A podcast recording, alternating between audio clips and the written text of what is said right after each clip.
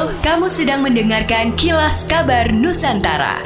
Podcast persembahan KG Radio Network menyajikan berita harian yang mengangkat keunikan dari berbagai wilayah Indonesia. Kilas Kabar Nusantara dapat juga didukung oleh pengiklan loh.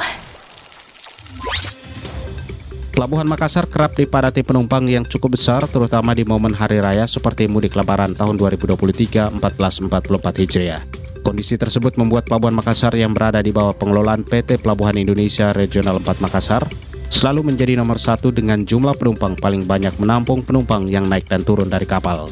Suhadi Hamid selaku General Manager Pelindo Regional 4 Makassar menyebutkan Pelabuhan Makassar selalu memimpin lima besar pelabuhan di Regional 4 dengan jumlah penumpang terbanyak, khususnya pada musim-musim mudik hari raya, menyusul Pelabuhan Parepare, Balikpapan, Ternate, dan Ambon.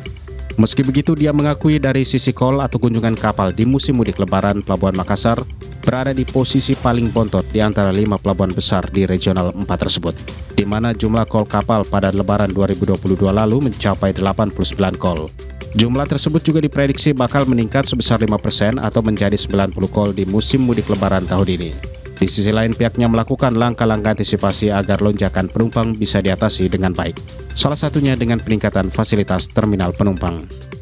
Pemerintah Provinsi Sulawesi Utara masih berkutat dengan sejumlah permasalahan daerah seperti inflasi, stunting, termasuk masalah penciptaan lapangan kerja. Hal itu disampaikan oleh Wakil Gubernur Sulut Stephen Kando. Wagub menyampaikan perlu adanya integritas kerja dari seluruh pihak. Wagub menambahkan dalam memerangi sejumlah permasalahan tersebut, seluruh pemangku kepentingan perlu berkomitmen untuk bersama-sama bekerja.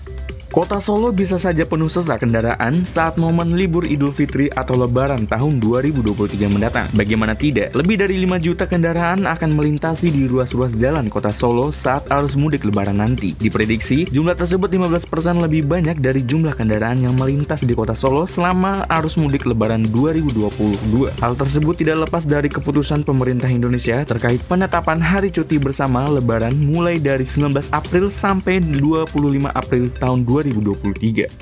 Demikianlah kilas kabar Nusantara pagi ini.